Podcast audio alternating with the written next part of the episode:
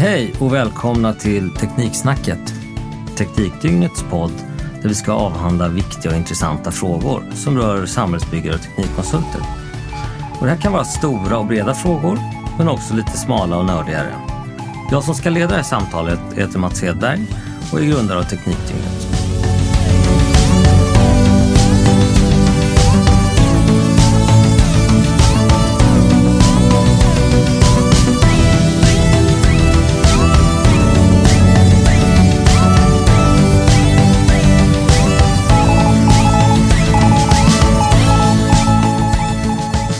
Väldigt glad att ha med mig vdarna för två framgångsrika teknikkonsulter.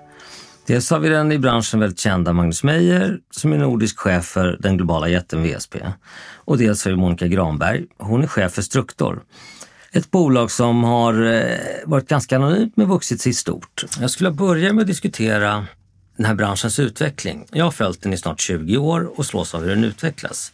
Och jag upplever att den har gått från att ha varit en lite ja, noppig och nischad konsultbransch till att bli en ganska stolt bransch med en yrkesidentitet. Man är idag teknikkonsult och samhällsbyggare. Så när jag beskriver utvecklingen på det här sättet, vad födde det för tankar hos er? Jag börjar med Monica. Det stämmer med min bild också. Jag har själv varit i branschen i 18 år och tycker att det har hänt väldigt mycket. Både med yrkesidentiteten som du säger och också i hur man värderar olika typer av kompetensområden. Från att ha varit väldigt mycket fokus kanske på vissa typer av teknikområden så har man breddat det. Att tala mycket mer hållbarhet, miljö, riskfrågor och mycket annat som tidigare var små och ganska specifika områden har blivit eh, kärnverksamhet i många stora bolag. Och Magnus, vad säger du? Jag håller med, men, men det är också drivet av men jag säger så här, den, den, klassiska specialistrollen den finns ju kvar och den kommer nog alltid finnas kvar för behovet av djup specialistkompetens finns där. Men det som är så tydligt är ju att branschen och kunderna i allt större utsträckning också efterfrågar ett bredare ansvar från konsulterna. Att vi tar större och bredare åtaganden, att, att gränserna mellan eh, branschens aktörer förflyttas där, där konsulterna både har en möjlighet men också förväntas Eh, det finns ett krav på oss konsulter att kliva fram och ta ett större och bredare ansvar. Och det förtar inte behovet av specialistkompetensen, utan den finns kvar där. Men därtill måste vi också ta större och bredare ansvar. Till exempel inom hållbarhet och multidisciplinära eh, projekt där vi förväntas kliva in och, och, och samordna och leda arbetet på ett sätt som vi tidigare inte behövde göra. Och då kan man fundera på, kommer den här framtida utvecklingen att kräva nya kompetenser? Det här har varit ett yrke som har varit Eh, förbehållet ingenjörer? Kommer vi få se andra eh, kompetenser som kommer att komplettera och komma in här? Vad tror ni? Ja, definitivt, det tror jag. Det är fortfarande så tror jag att många av våra bolag inom Struktum, jag tror att det är så även i andra teknikkonsultbolag, att det är dominerat av mycket ingenjörer och naturvetare. Och samtidigt ser vi att vi bygger på oss med eh, andra typer av kompetensområden till exempel människor som har en samhällsvetarbakgrund. Kan man tänka sig psykologer, beteendevetare, jobba sida vid sida? Det tror jag absolut. Jag tror att eh, inte bara bredda kompetensmässigt, men det är också en väldigt tydlig förändring i branschen över ett antal decennier. Från den klassiska ingenjören, en man som har gått på en teknisk högskola så är vi nu en bransch, i vissa teknikgrenar och områden så är det ju snarare en övervikt kvinnor till exempel, vilket det ju inte var för några decennier sedan. Så att liksom den här branschen eh, blir ju mer och mer jämställd bara av naturlig utveckling höll jag på att säga. Eh, och dessutom så får vi ju väldigt mycket inflytande av det internationella, framförallt i ett bolag som VSP som är globalt. Så att det är från en, en klassisk manlig bransch till en i många olika stycken mer diversifierad och dynamisk bransch. Så det är inte bara det kompetensmässiga utan på många andra sätt så blir det en mer dynamisk bransch också. Och det där är otroligt spännande, för det går ganska fort det här. Och vad ställer det för krav på er som ledare i bolagen? Men jag tror det är en stor skillnad. Alltså vi måste ha ett, ett bredare ledarskap om jag säger så, därför att det är faktiskt en skillnad att leda eh, ett bolag som är väldigt mångkulturellt i väldigt många dimensioner. Oavsett om det gäller ålder, bakgrund, kön, kompetenser. Och då måste vi helt enkelt ha lite bredare ledare. än vad vi behövde förut. Och jag tror också att det går ju hand i hand med att vi får bredare och bredare åtaganden och mer och mer på det sättet komplexa åtaganden. Men jag vill liksom säga det igen att det här det förtar inte behovet av specialistkompetensen för det behovet ökar också. Så att vi satsar otroligt hårt på att dels bredda oss som, som bolag och kunna ta de här allt större, bredare åtagandena, men aldrig tappa bort fokuset på, på, på tekniken tekniken eller expertisen ska jag säga, därför att det är det som gör oss unika. Ja, jag instämmer också i det. Och jag tror inte heller att alla de här, man säger psykologer och beteendevetare som vi diskuterar eller samhällsvetare överhuvudtaget behöver kanske nödvändigtvis vara anställda heller i våra bolag, utan jag tror att det handlar om att eh, vi samverkar eller kommer att söka samverkan och samarbeten bredare i branschen allting måste inte finnas in-house i våra företag. Det är en, eh, som vi pratade om, en, en stor efterfrågan dels på att kunna leda i väldigt komplexa samhällsbyggnadsprocesser som blir mer och mer komplexa och komplicerade med en ökad urbanisering, med eh, väldigt många olika aktörer och framförallt i tidiga skeden när man kanske inte heller är en helt klar och tydlig bild om vart man ska inom alla områden. Det kräver en typ av kompetens och så krävs det en helt annan typ av teknisk expertis och kompetens kanske i andra skeden i projekt. Och jag tror att det handlar just om att få med sig både och och att inte heller tappa identiteten. För det är ju en ganska traditionell bransch vi befinner oss i trots allt. Även om vi pratar om dynamik och så, så är min reflektion att vi är relativt traditionella och jobbar fortfarande relativt linjärt från A till Ö.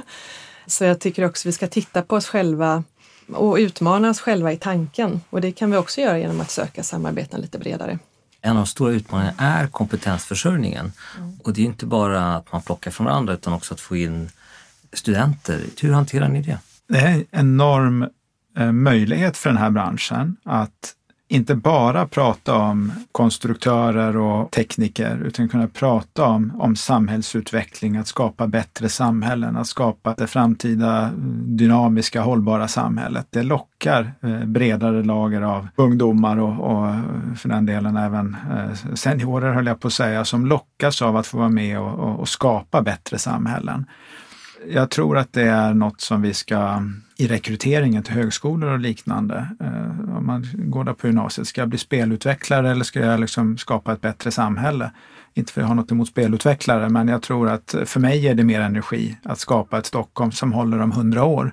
Och det tror jag är för väldigt många ungdomar också. att det är någonting mer eh, påtagligt, någonting mer handfast, någonting man kan eh, förhålla sig till och värdera. Och det tror jag är vår bransch absoluta fördel jämfört med väldigt många andra eh, branscher som inte är så påtagliga så att säga. Vi kan ju verkligen se nyttan av de bra saker vi gör. Så att jag tror att det är en av styrkefaktorerna vi ska, ska trycka väldigt mycket på som bransch för att locka framtidens ungdomar att välja den här yrkesbanan. Att de får hålla på med någonting som är meningsfullt inom situationstecken. Ja.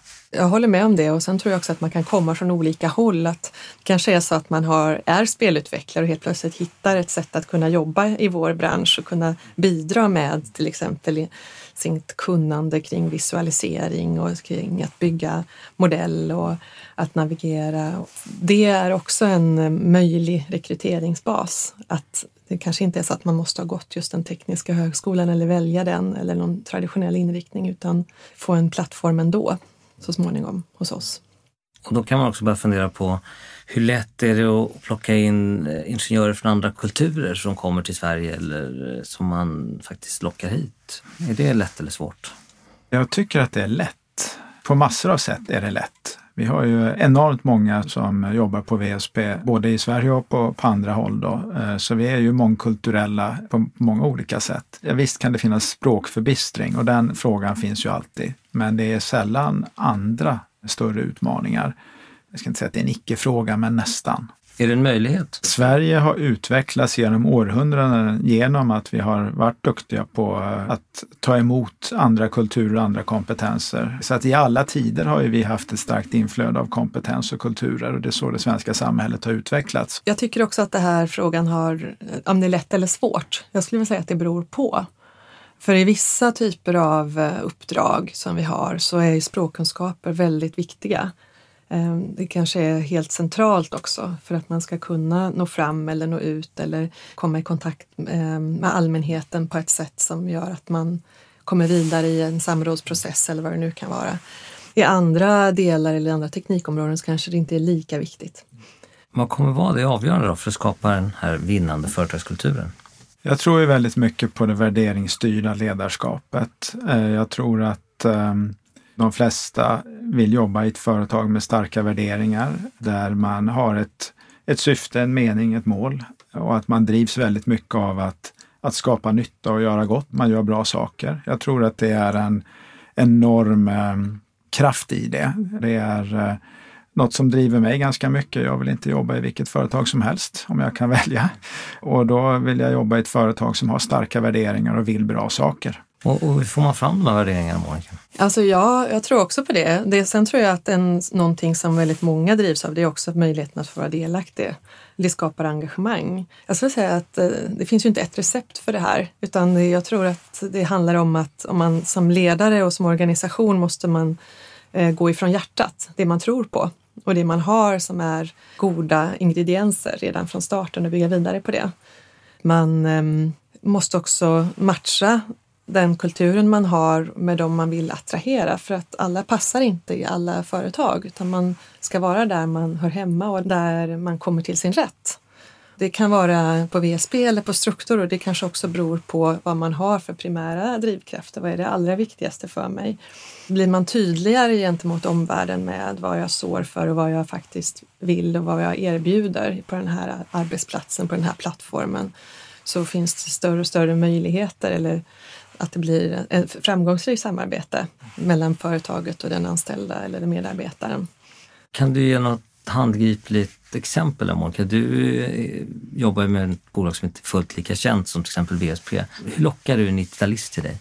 Jag märkte det när jag var ute på Lava till exempel. Vi var en av huvudsponsorerna förra året på Lava och då ehm, var jag där och träffade väldigt mycket studenter. När jag talar om vad vi står för med väldigt hög grad av delaktighet, möjlighet att påverka max en busslast medarbetare i varje bolag för att vi ska vara snabbfotade och inte bli för tröga och att vi ska hela tiden ha fokus på våra kunder och vad vi levererar till dem i vissa frågor samordna oss och sådär och att vi har frihet som en väldigt viktig ingrediens. Vi styr så lite som möjligt liksom över bolagen och medarbetarna. Ja, men det gillar ju oftast 90-talister som de vill ha mycket eget självbestämmande och de vill känna att det engagemanget de har kan komma igenom, och att det faktiskt kan få göra skillnad.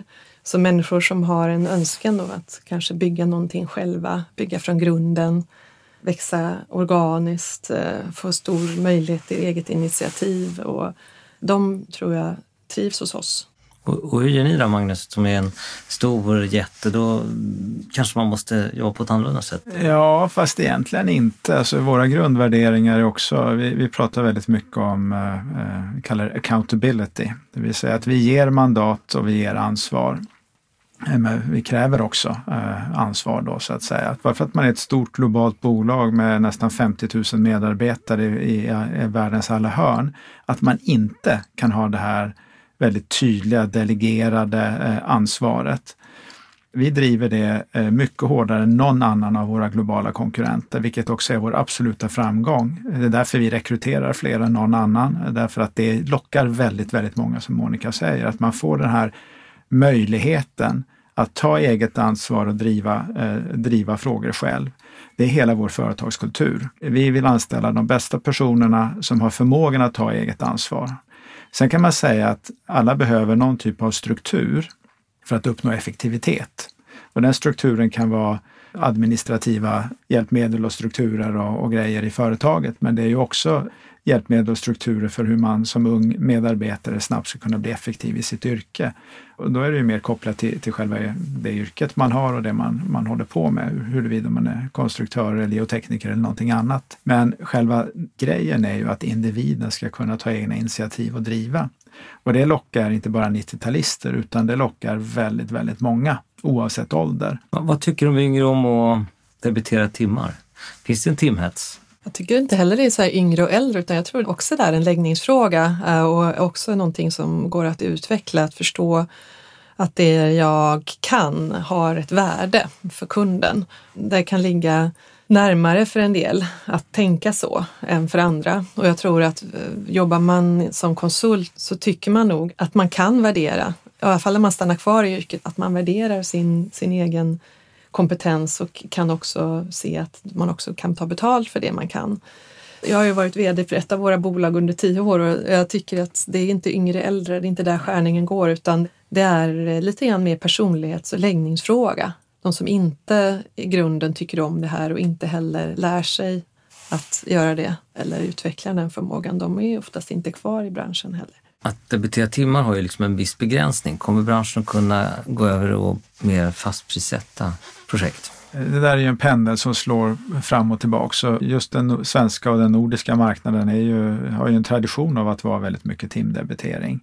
Det finns på en del andra håll i världen också, men samtidigt är det ju eh, andra marknader som är, i huvudsak är fastpris eh, och andra som jobbar med andra modeller, typ eh, kostplus är ganska vanligt i USA. Man öppnar böcker och så har man ett, ett vinstpåslag på sina redovisade kostnader. Så det finns alla möjliga modeller. Vi kan ju titta över hela världen i, i VSP med olika modeller. Det är inte så att man kan säga att vi tjänar mer pengar i Sverige för att det är timdebitering. Där går våra kunder ibland lite snett och tror att konsulterna eh, skär guld med täljkniv och att vi tjänar en massa pengar för att det är timdebitering. Realiteten är ju att lönsamheten förändras och, och, och anpassas eh, i förhållande till respektive marknad. Eh, just nu är den svenska marknaden väldigt konkurrensutsatt, vilket vi eh, lätt glömmer bort. Vi har ju fler och fler internationella aktörer som kommer in på den svenska marknaden samtidigt som vi har haft höga lönehöjningar. Den här branschen är ju faktiskt satt under press lönsamhetsmässigt. Och då kan man säga, löser det sig eller får kunderna mer för pengarna bara för att man sätter fastprisprojekt? Eh, inte nödvändigtvis. Jag tror att eh, den här pendeln kommer slå fram och tillbaks. Vi jobbar väldigt gärna med fastprisprojekt på VSB för vi tycker vi är ganska duktiga på att hantera det. Samtidigt så är det väldigt ofta kunder faktiskt inte vill ha fastprisprojekt, trots att vi föreslår det. Jag tror inte att nyckeln ligger i att huruvida vi ska ändra från eh, timdebitering till någonting annat, utan jag tror att det är att bli bättre på att skapa ökad produktivitet i den här branschen rent generellt. Och, hur ökar man produktiviteten? Ja, Mats, berätta det. Nej, även om vi pratar om att vi har förändrats eh, under de åren som i alla fall jag har varit aktiv och det kan jag också se eh, när jag pratar med andra. All förändring kräver någon typ av tryck. Antingen tryck inifrån eller tryck utifrån. Den upp, förändring uppstår inte av sig själv. Och då kan man ju fundera på när det gäller vår bransch och marknad, så att säga, vad är trycket för att förändra oss till att arbeta på ett annat sätt eller vända på koncepten eller göra nya arbetsformer eller nya ersättningsformer eller vad det nu än är för någonting. Kanske trycket inte är så högt i dagsläget för vi har så vansinnigt jättemycket att göra på alla håll, både på konsultsidan och på beställarsidan och på entreprenörssidan. Så frågan är, vad är incitamentet till att göra annorlunda? Så småningom kanske det uppstår ett tryck av att vi inte har tillräckligt mycket resurser, vilket vi känner av, och att kostnaderna är höga och att kanske betalningsförmågan sviktar någonstans, vilket gör att antingen får vi själva börja göra annorlunda eller också så kommer det komma in nya aktörer och spelare och göra annorlunda eller testa nya koncept. Väldigt mycket förändring kanske drivs också från enskilda individers eh, initiativ och engagemang. Att vilja testa någonting nytt till exempel. Att utveckla projekteringsverktyg så att man automatiserar saker som är relativt eh, monotona eh, där man har, eh, skriver kanske skript och så trycker man på gröna knappen och så producerar man på ett helt annat och mycket effektivare sätt med mer precision. Där vi har väldigt innovativa bolag, vilket många av, av bolagen är, där är det ofta individer eller enskilda personer som bara kommer på någonting. Men det här vill jag prova och det är min förhoppning att vi ska vara öppna för både i struktur men som bransch också, bjuda in varandra till att prototypa lite mer, att prova på nya arbetssätt i projekt. Och som i Slussenprojektet där vi har samverkat länge på projekteringssidan.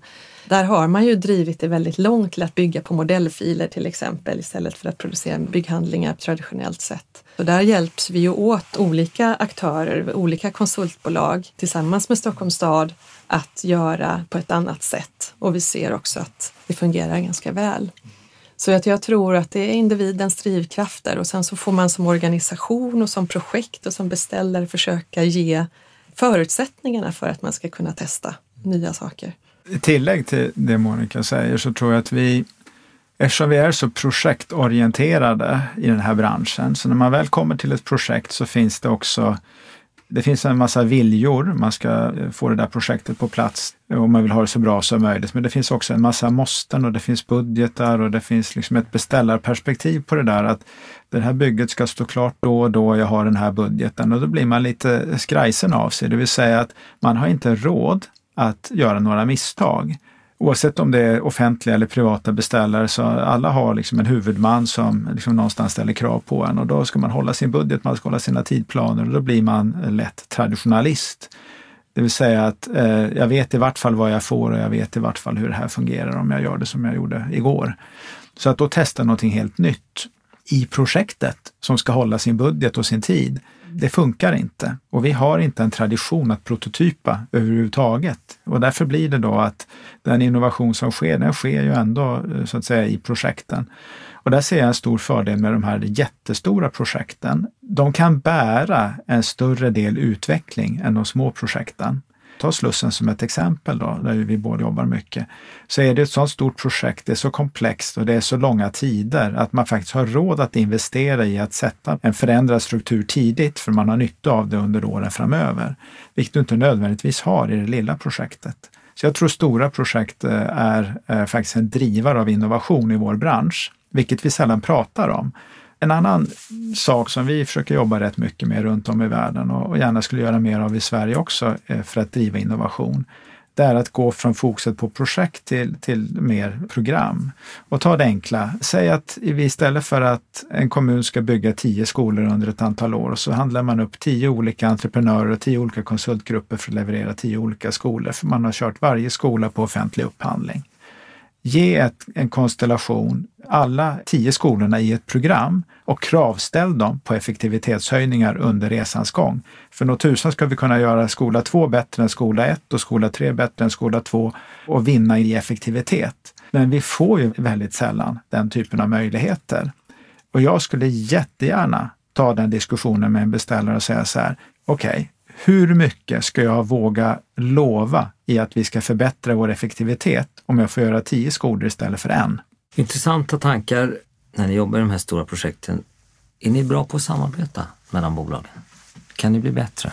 Jag tror att um, de stora projekten, utöver det som du sa Magnus, som jag också är inne på, att, att de kan bära innovation och att det finns mm, ett stort lärande, så tror jag också att min erfarenhet är i alla fall från stora projekt att man också arbetar mer med just värderingar och eh, gemensam projektkultur som man sätter. Och det är också en nödvändighet om man ska klara av att samarbeta över väldigt många år.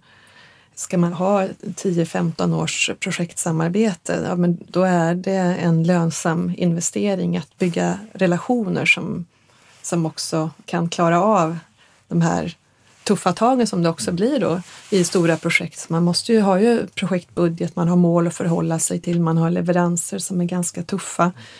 Och jag har själv lett en projektgrupp inom Slussen med 50-60-tal personer från 15 olika bolag som satt på olika ställen på stan i olika delar av, av, landet. Det var väldigt tydligt att en framgångsfaktor för oss att klara av uppgiften var att jobba med gemensamma värderingar, bygga relationer på olika sätt.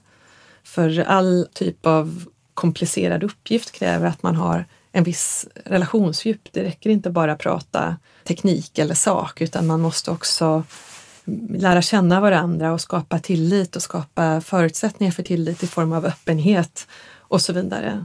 Och det är väl en rad, vad man kallar mjuka faktorer, men som är egentligen väldigt hårda faktorer om man tittar på forskningen för att man ska faktiskt få framgångsrika samarbeten.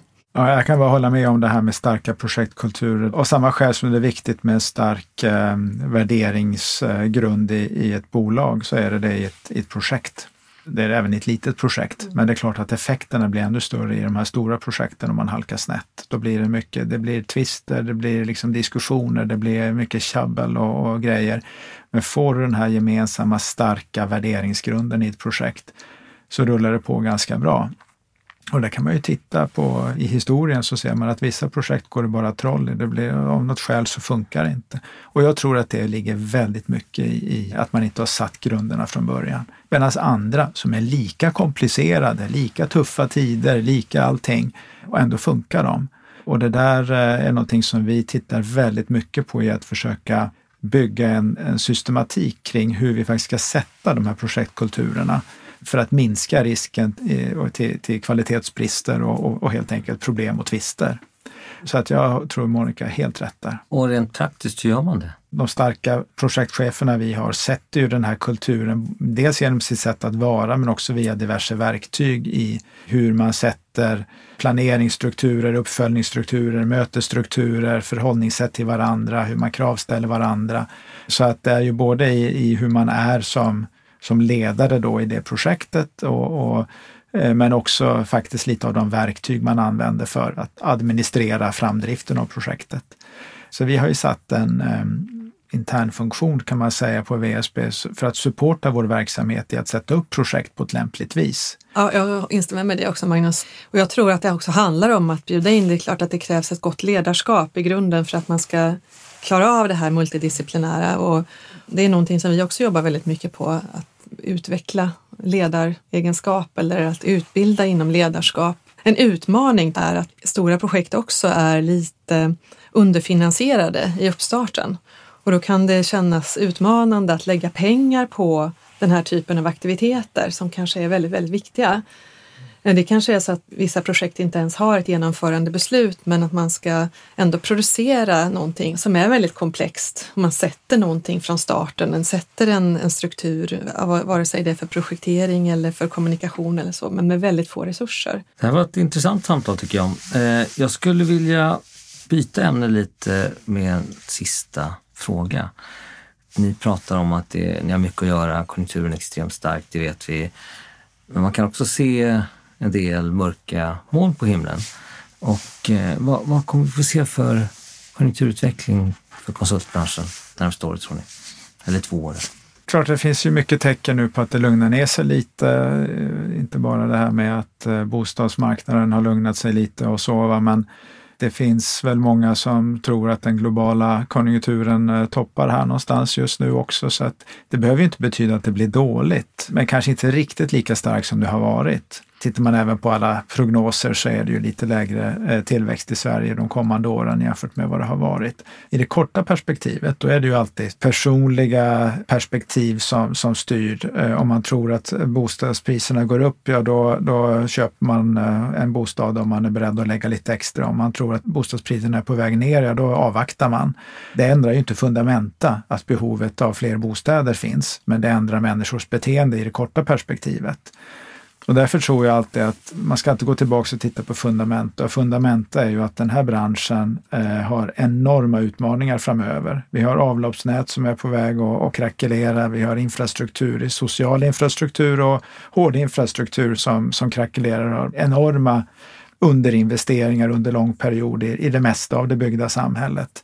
Och därtill har vi en kraftig urbanisering vilket gör att regionstäder och de stora städerna i Sverige har enorma behov av att både återinvestera i infrastruktur och, och byggnader och samhällsinfrastruktur och också bygga nytt. Så jag har en enormt positiv syn långsiktigt på den här branschen. Sen huruvida det liksom är lite lugnare ett, ett år eller två, det måste vara för det, det kommer finnas enorma behov för oss. Vi måste helt enkelt utnyttja alla våra duktiga hjärnor i våra företag än bättre. För så mycket behov finns det i marknaden. Magnus nämnde inte elnätet, är det någonting vi behöver titta på också? ja, jag instämmer med, med Magnus syn och i vår analys inom Struktur också, även min personliga analys, att det finns ju en enorm efterfrågan för, på den här typen av tjänster som vi erbjuder. Och sen så finns det ju orostecken i skyn och det är ju naturligtvis, tittar man på den globala konjunkturen, ja, handelskrig, vad kommer det innebära för oss? Om man tittar på Sveriges produktivitet som helhet, alltså BNP per capita tillväxt som är relativt låg i prognos från ända fram till 2021 som är oroande för att vi, någon ska ju också betala för den här typen av tjänster som vi erbjuder och ha råd att göra de här investeringarna. Superspännande. Tack snälla för att ni kom hit. Ser fram emot att följa er framtiden också. Tack, tack så mycket. Tack, tack, tack. tack.